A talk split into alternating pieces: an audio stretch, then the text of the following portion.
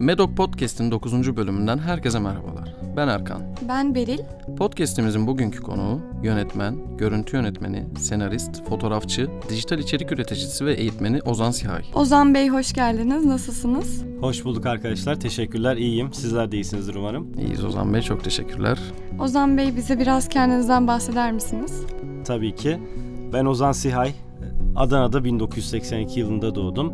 Bütün eğitim öğretim hayatımı da burada geçirdim. İlkokul, ortaokul, lise, üniversite derken sizlerin okuduğu okul olan Çukurova Üniversitesi'nden jeoloji mühendisliği bölümünden mezun oldum. Daha sonra kendimi babamın yanında bir anda buldum. Ona yardım ederken bir reklam atölyemiz var. Hala da var. Devam etmekte. Babam tarafından devam ettirilmekte. Orada kendimi grafik tasarım konusunda geliştirdim. Ama bunun tabii ki temeli de vardı. Çocukluğumdan beri teknolojiyle iç içe büyümemin şansı vardı tabii ki. Yaklaşık 6-7 yaşlarında eve gelen bir Commodore 64 bilgisayarla teknolojiyle tanıştım ve ondan sonra teknoloji hayatımdan hiçbir zaman ayrılmadı. Ben de ondan ayrılmadım. Bir yandan da yine ailemin tabii ki desteğiyle ve şans da böyle bir şansım da vardı. Dedem fotoğraf makinalarıyla ilgileniyordu. Fotoğraf çekiyordu daha doğrusu analog makinalarla. Babamın da fotoğrafa ilgisi vardı ve dolayısıyla bana da aşılandı bu e, ilgi ve kendimi fotoğraf konusunda geliştirmeye başladım. Ve fotoğrafla teknolojiyi aslında iç içe geçirdim diyebilirim. Bir süre sonra fotoğraf artık bana yetmemeye başladı. Durağan şeyler yetmemeye başladı. Hareketli görüntüler üretmek istedim. Burada da yine çocukluğumdan beri içimde büyük bir sinema aşkı vardı. Ailem sağ olsun her hafta mutlaka her cuma günü sinemaya giderdik. Sinemaya götürürlerdi beni. Dolayısıyla film izlemeyi çok severdim. O filmlerin nasıl çekildiğine dair büyük bir merakım vardı. Okurdum, araştırırdım. E, sektörde olan babamın arkadaşları ya da ailemde çevredeki kişilere sorardım. İşte şu nasıl yapılıyor, bu nasıl yapılıyor diye. Daha sonra fotoğrafı videoya evirdiğim o dönem geldi. Fotoğraf makinesinden kameraya geçtim. Kendime bir tane handicam almıştım. Böyle o zamanlar bayağı aslında dandik diyebileceğimiz bir üründü.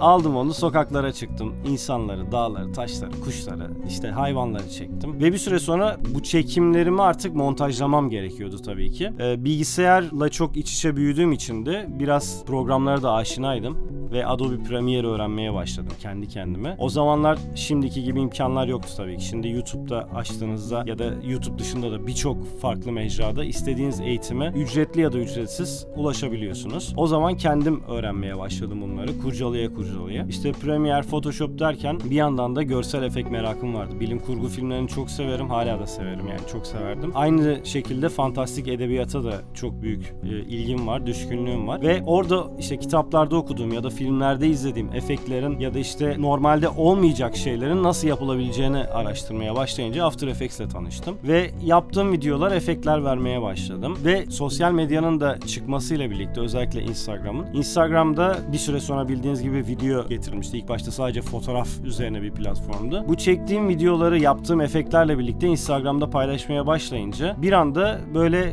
insanların ilgisini çekmeye başladı. Bana sormaya başladılar. O zaman bunu nasıl yaptın? Şunu nasıl yaptın diye. Ve kendimi o konuda biraz da bu gazla daha da geliştirdim. Hatta kendimi üniversiteden sonra iki yıl komple kapattım. Ne dışarı çıktım ne arkadaşlarımla görüştüm.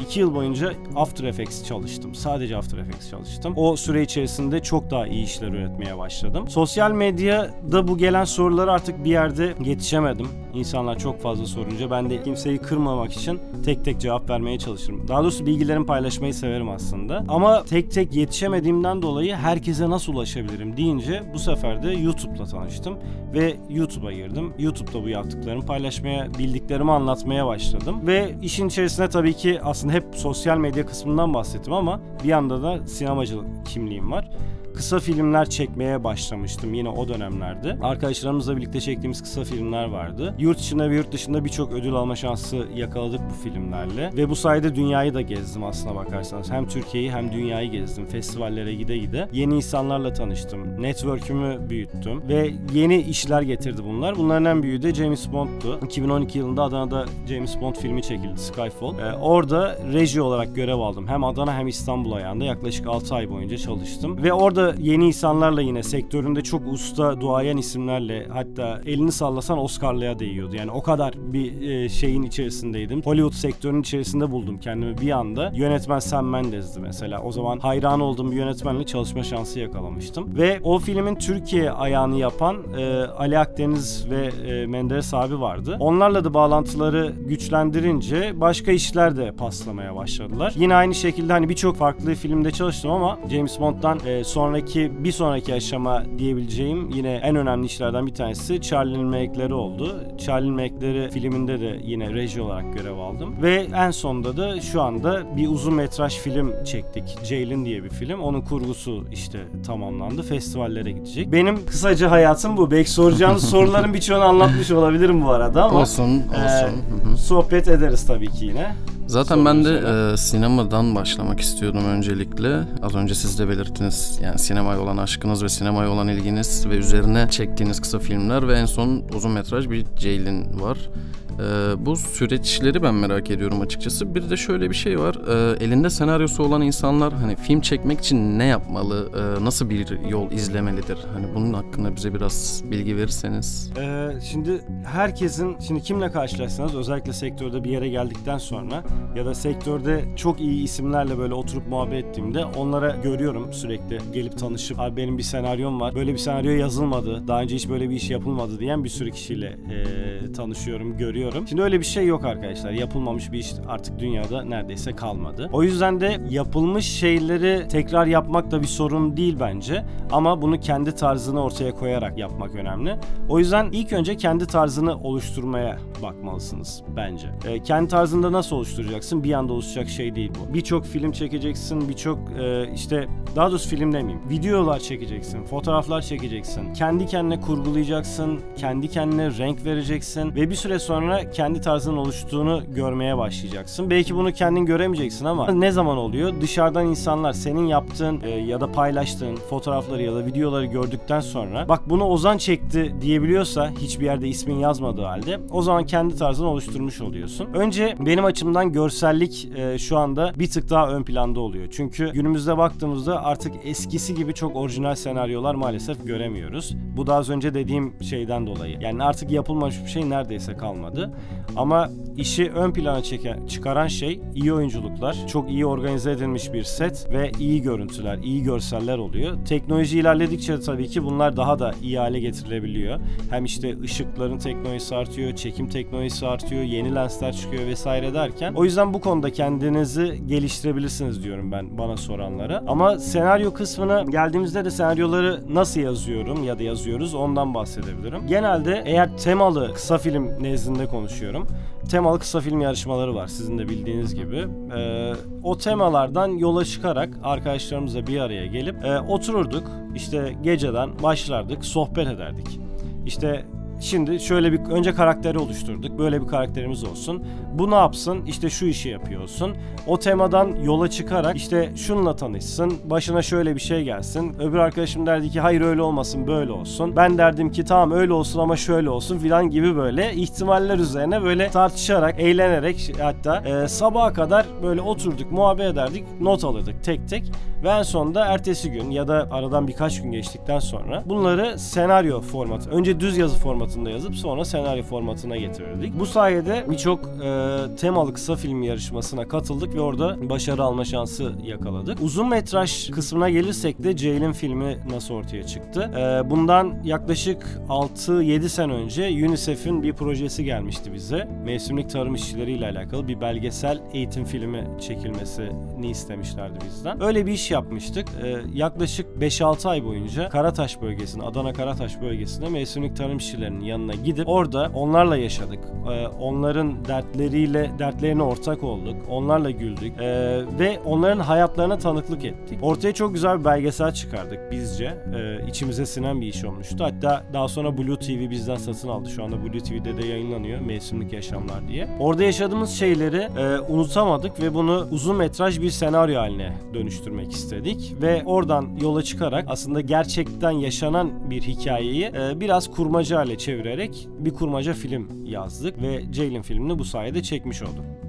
Acım Medya'da eğitmenlik yapıyorsunuz. Birçok sosyal medya mecrasında da özellikle bu işlerle ilgisi olan gençlere faydalı bilgiler veriyorsunuz. Dijital medya ve yayıncılık eğitimi tam olarak nedir? Ee, bize bundan da bahsedebilir misiniz? Evet, Acun Medya Akademi'de yaklaşık bir buçuk yıldır, zaten bir buçuk yıl önce açıldı. Açıldığından beri dijital e, içerik ve yayıncılık bölümünde eğitmenlik yapıyorum. E, her hafta bir İstanbul maceram oluyor. Adana'da yaşıyorum işte bildiğiniz gibi. Adana Evet Adana İstanbul arası koşturup duruyorum. Ee, gerçekten Allah sabır versin İstanbul'da yaşayanlara. Acun Medya Akademi benim için öncelikle çok e, gerçekten keyif aldığım e, bir yer oldu. Hani birçok farklı kurumda, kuruluşta, üniversitede eğitimler verdim hayatım boyunca. E, ama Acun Medya hem e, oraya katılan öğrencilerin e, çok azimli bir şekilde oraya gelmesi ki sonuçta belli bir ücret karşılığı geliyorlar. E, hem de içinde bulunduğumuz imkanlar oldukça. Nişantaşı Üniversitesi'nin dersliklerinde yapıyoruz derslerimizi. Bundan dolayı keyif alarak e, yaptığım bir eğitmenlik süreci geçiriyorum ve bu şekilde de devam edeceğim muhtemelen. Orada neler yapıyoruz? Dijital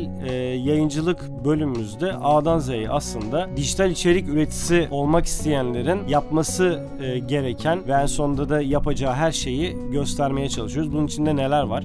Temel fotoğrafçılık eğitiminden başlıyoruz aslına bakarsanız. Hem mobil fotoğrafçılık hem de profesyonel kameralarla. Profesyonel kameralar nasıl kullanılır? İşte ISO enstantane, e, diyafram nedir ne değildir? En temelden başlayarak daha teknik seviyelere, üst seviyelere çıkarak öncelikle fotoğrafçılık eğitim veriyoruz. Daha sonra video üzerine eğitimler veriyoruz. Bunları yine hem telefon hem de e, profesyonel kamera kısmında e, ilerletiyoruz. Onun dışında bu çekilen görüntüler nerelerde editlenebilir? E, yine mobil ve bilgisayar üzerinden birçok e, mobil uygulama ve bilgisayar programlarını orada gösteriyoruz. Ve en sonunda da e, YouTube üzerinde çok duruyoruz ki günümüzün en önemli mecralarından bir tanesi YouTube olduğu için ve birçok insan YouTuber olmak istediği için ki artık ciddi anlamda bir sektör YouTube yani iş artık birçok insan için. Ee, YouTube eğitim veriyoruz yine baştan sona. YouTube stüdyosu nasıl kurulur? İşte kurulur. YouTube çekimleri nasıl yapılır? Işık nasıl e, konumlandırılır? Kamera ayarları nasıl olmalı? YouTube'a video yüklerken hangi ayarlarda export almalısınız? YouTube kanalı açarken işte açıklama kısımlarına hashtaglere ne yazmalı? Kapak fotoğrafı, thumbnail vesaire bunlar nasıl olmalı gibi. A'dan Z'ye her şeyi gösteriyoruz ve en sonunda da bir bitirme projesi veriyoruz öğrencilerimize. Bu süreç yaklaşık 3 ay sürüyor. 3 aylık bir sertifikasyon formasyon programı aslına bakarsanız bu. E, ama E-Devlet'ten diploma veriyoruz. Daha sonra burada bitirme ödevlerinde başarılı olan öğrencilerimizi, belli bir puan üzerinde alan öğrencilerimizi Acun Medya'ya yolluyoruz ve orada da kendilerini gösterirlerse ki birçok öğrencimizi Acun Medya'ya soktuk zaten. Acun'la birlikte çalışmaya başlıyorlar. Domini'ye giden çok öğrencimiz oldu işte. E, Acun Medya'da TV8'de Exxen'de çalışmaya başlayan ve işlerini son derece iyi bir şekilde devam ettiren öğrencilerimiz oldu. E, genel olarak serüven serüven bu şekilde ilerliyor. Ee, az önceki sohbetimizde de bahsettiğim gibi medya okuryazarlığı atölyesi olarak önceliğimiz gençlerin medyayı iyi okuyabilen, sorgulayan ve eleştirel yaklaşan bireyler olma yolunda çalışmalar yapıyoruz. Böyle bir ekibiz. Ee, bu konu nezdinde ve genel olarak medya alanında gençlere vereceğiniz tavsiyeler nelerdir? Benim ilk tavsiyem genelde şu oluyor. Şimdi rekabet artık günümüzde çok büyük. Cep telefonları artık öyle bir yere geldi ki zaten. İçerik üreticiliği konusunda eskiden kamerası kameranız olması gerekiyordu. Yani bir şeyler üretebilmek için. Artık cep telefonlarıyla uzun metraj filmler bile çekiliyor. Hatta Oscar adayı olan uzun metraj filmler bile oldu cep telefonuyla çekilen. Dolayısıyla artık herkesin ulaşabileceği bir yerde. Yani herkes fotoğraf ve video çekebiliyor ve bunları özellikle günümüz teknolojisindeki kameralar ve telefonlar en iyi şekilde zaten yapıyorlar. O yüzden burada fark ne oluyor? Az önce söylediğim gibi öncelikle kendi tarzınızı oluşturmanız gerekiyor. Bu da çok okuyup, çok araştırıp, çok film izleyip, çok e, iyi fotoğrafçının fotoğraflarına bakmaktan geçiyor aslına bakarsanız. Onun dışında ama en önemli şey hep benim söylediğim network arkadaşlar. E, network'ünüz, bağlantılarınız olmazsa hiçbir şey olmaz. Çünkü çok fazla insan insan var ve artık herkes gerçekten dijital içerik üreticisi olmak istiyor. Ee, YouTuber olmak istiyor. Twitch yayıncısı olmak istiyor. İşte TikTok'tan, Instagram'dan para kazanmak istiyor ki artık platformlar da o kadar çok çekiyor ki e, insanları. Artık işte TikTok'tan da çok ciddi paralar kazananlar var. Instagram yakın zamanda e, Şubat ayından itibaren işte para kazandırmaya başlayacak. YouTube keza zaten öyle. Twitch'ten çok ciddi para kazanan insanlar var. Bu da ne oluyor? Çok cezbedici bir hal e, alıyor. Artık günümüzdeki çocukları sorduğunuzda sizin de başınıza gelmiştir. Büyüyünce ne olsun, ne olmak istiyorsun dediğinde YouTuber olmak istiyorum diyor. Ciddi anlamda mesleğe dönüştü artık bu. Bu kadar çok rekabetin olduğu bir yerde de e, iş yapmak oldukça zor aslına bakarsanız. İşte bu zorluğu da nasıl aşacaksınız? Benim söylediğim şey şu. Bu network'ü nasıl sağlayacaksınız? Öncelikle sosyal medya, dijital içerik üreticisi olmak istiyorsanız sosyal medyada aktif olmak şart bir kere. Kendinizi orada göstermek zorundasınız bir şekilde. Özgüvenli olmak çok önemli burada. Konuşkan olmak çok önemli Ee, ve insanlarla bağ kurabilmek, e, insanlarla karşılıklı diyaloğa girebilmek gerçekten çok önemli. Bu da nasıl olacak? Hep şunu söylüyorum öğrencilerime ben de. Arkadaşlar bir yerlerde başarılı olmak istiyorsanız çıkıp kafelerde oturmanız, yeni insanlarla tanışmanız, sokakta olmanız gerekiyor. Yani evde oturarak bu iş olmaz. Sosyal medyada başarılı olmak istiyorsanız gerçek hayatta sosyal olmanız gerekiyor. Kesinlikle. Çok teşekkürler. Çok sağ olun verdiğiniz bilgiler için. Bize vakit ayırdığınız için çok teşekkür ederiz. Umarım ileriki zamanlarda, belki de bir başka platformda tekrar görüşmek ümidiyle.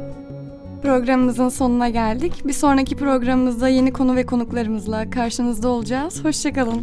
Evet hoşçakalın. Ben de son olarak bana bu programda yer verdiğiniz için çok teşekkür ediyorum arkadaşlar. Dediğin gibi Erkan umarım başka bir e, yerde yine belki bu podcast'te ya da başka bir yayında birlikte olmak dileğiyle. Çok teşekkürler.